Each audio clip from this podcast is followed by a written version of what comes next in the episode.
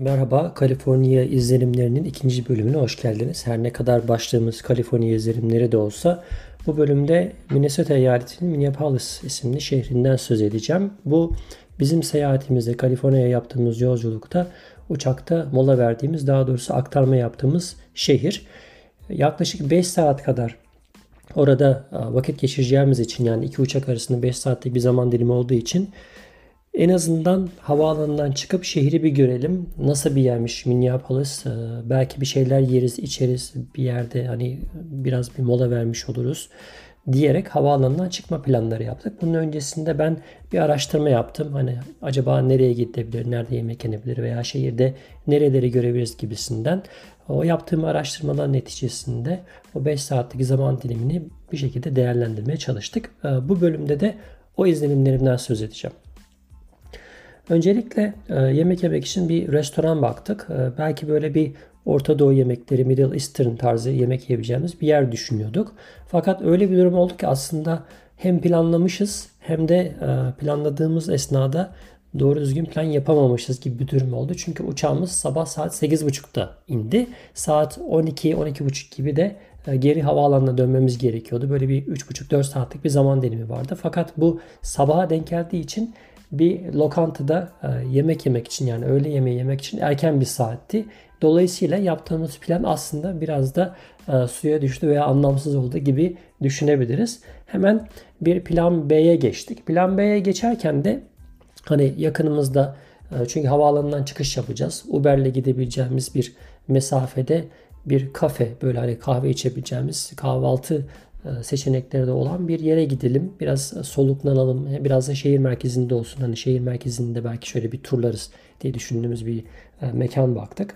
Aslında havaalanında information desk dedikleri hani bilgi merkezi e, böyle insanların danışma diyebileceğimiz bir bir yerde bir görevliye sorduğumuzda o bizde aslında Mall of America yanılmıyorsam böyle bir yere hani bir alışveriş merkezine giderseniz hem orada yiyecek çeşitleri bulabilirsiniz hem de çocuklarının eğlenebileceği, oynayabileceği alanlar var gibi bir şey bize e, teklif etmesine rağmen biz şehri görmek istiyoruz dedik. Yani hani bir şehri görmek için gidip hani bir alışveriş merkezine gitmezsiniz. Hani biz biraz daha böyle bir şehrin o yaşayan dinamiklerini, sokaklarını bir nevi hani şehrin kendisini tanımak istiyoruz diye bir şey söyledik. O yüzden şehrin merkezinde bir kafeye, ufak bir kafeye gittik.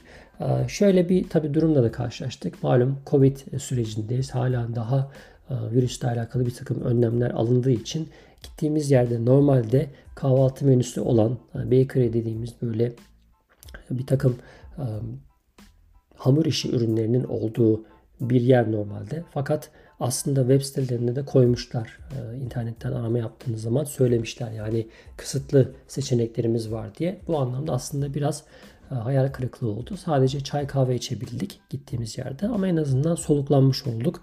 Çocuklar bir iki bir şey atıştırma imkanı buldular. Böyle bir e, yolculuğumuz oldu. Tabi bu yolculuğa çıkarken dediğim gibi Uber tuttuk. Aslında havaalanı çok karışık bir yer değil. Ee, Minneapolis havaalanı çok karışık bir yer değil. Tabi bilmediğiniz bir yer olduğu için ilk defa gittiğiniz için özellikle Uber türü bir e, taksi hizmeti alacaksanız hani Uber'in nereye geldiğini bilmeniz lazım. Öyle her istediğiniz noktaya gelmiyormuş Uber. Böyle hayatında çok Uber kullanan birisi olmadığım için daha sonra bu e, yolculuk izlenimlerinde de birkaç yerde daha söz edeceğim. Uber'leri belli bir noktalarda artık topluyorlar. Yani biraz daha sistematize olsun. Hani biraz daha keşmekeşliği azaltsın diye Uber sizi her yerden almıyor. Özellikle bu tip e, büyük e, binaların veya yerleşkelerin olduğu yerlerde bir lokasyon tespit etmişler. Uber benzeri e, aplikasyonlarla eğer gitmek istiyorsanız bir yere şu noktadan gitmeniz lazım diye biz öyle bir şaşkınlık yaşadık. Havaalanında aslında bir kat yukarıdaymış. Biz bir kat aşağıda bekliyorduk.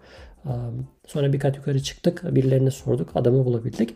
Evet Uber şoförümüz Somalili birisi çıktı. Şimdi buna biraz gireceğim. Mississippi e, nereden çıktı? Minneapolis. Mississippi River olduğu için şimdi kafam karıştı biraz ama Minneapolis şehrinde çok ciddi bir Somali nüfusu var. Hatta bu Temsilciler Meclisi'nde görev yapan İlhan Omar diye e, bir bayan var. Yanılmıyorsam ismi öyle. Kendisi de Somalili. 1990'lı yıllarda hani biraz şoförle muhabbet ettiğimiz zaman Minneapolis şehri büyük bir e, dışa göç alıyor. Artık insanlar şehri terk etmeye başlıyorlar. Ciddi anlamda böyle e, evler hani boşalıyor, iş yerleri boşalıyor. Şehir böyle bir hayal, hayalet kasaba gibi. Yani o adamın anlattığıyla ben anlatıyorum sizlere. Dönmeye başlıyor.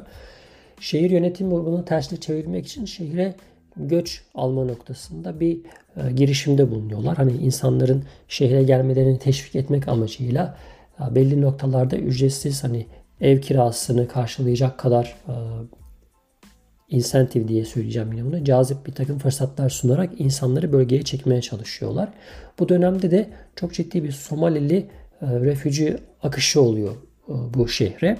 Dolayısıyla o tarihten bu zamana Somaliler gerçek anlamda şehrin içerisinde böyle kayda değer hatta hani Wikipedia'dan şehrin demografik yapısına bakarsanız ciddi anlamda şehir içerisinde kayda değer azınlık gruplarından birisi olarak sayılan bir grup haline dönüyor. Bizim Uber şoförümüz de ilk e, bindiğimiz Uber şoförümüz de böyle bir insandı. Böyle bir 20 dakikalık Uber yolculuğunda kendisiyle böyle bir sohbet gerçekleştirme fırsatı oldu. Tabi bir taraftan ben e, şehri gözlemliyorum. Hani biz şehrin merkezine doğru gittikçe arabanın içerisinde sağa sola bakıyorum.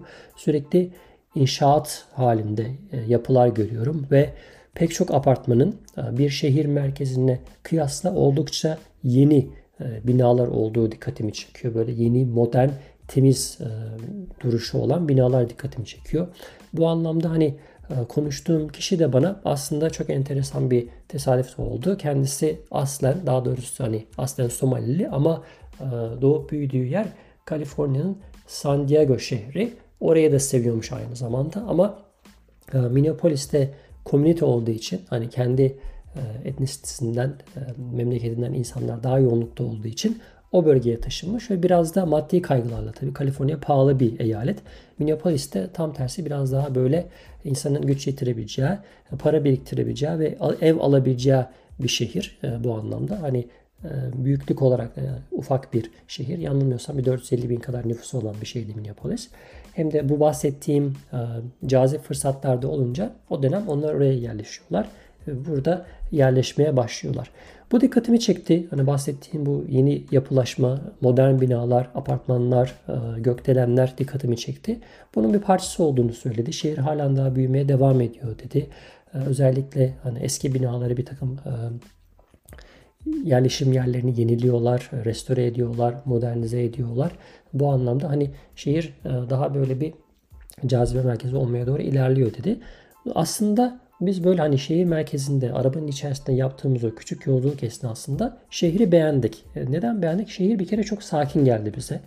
E, temiz, trafiğin olmadığı, hani söz ettiğim gibi az önce hani yeni yerleşim yerlerini yapılır. Çünkü genelde büyük şehirlerdeki apartmanlar veya yerleşim yerleri eğer yaşıyorsanız hem pahalıdır hem bu tip yerler köhne binalar olur. İşte fareler çok olur. Ne bileyim eski e, sistemleri olur. O tip binaların, apartmanların. Buradaki hani o yeni yapılan binalar çok şehre böyle fresh bir look diyorlar. Yani taze bir görüntü, bir şey vermiş. Yeni bir şehre katmış aslında.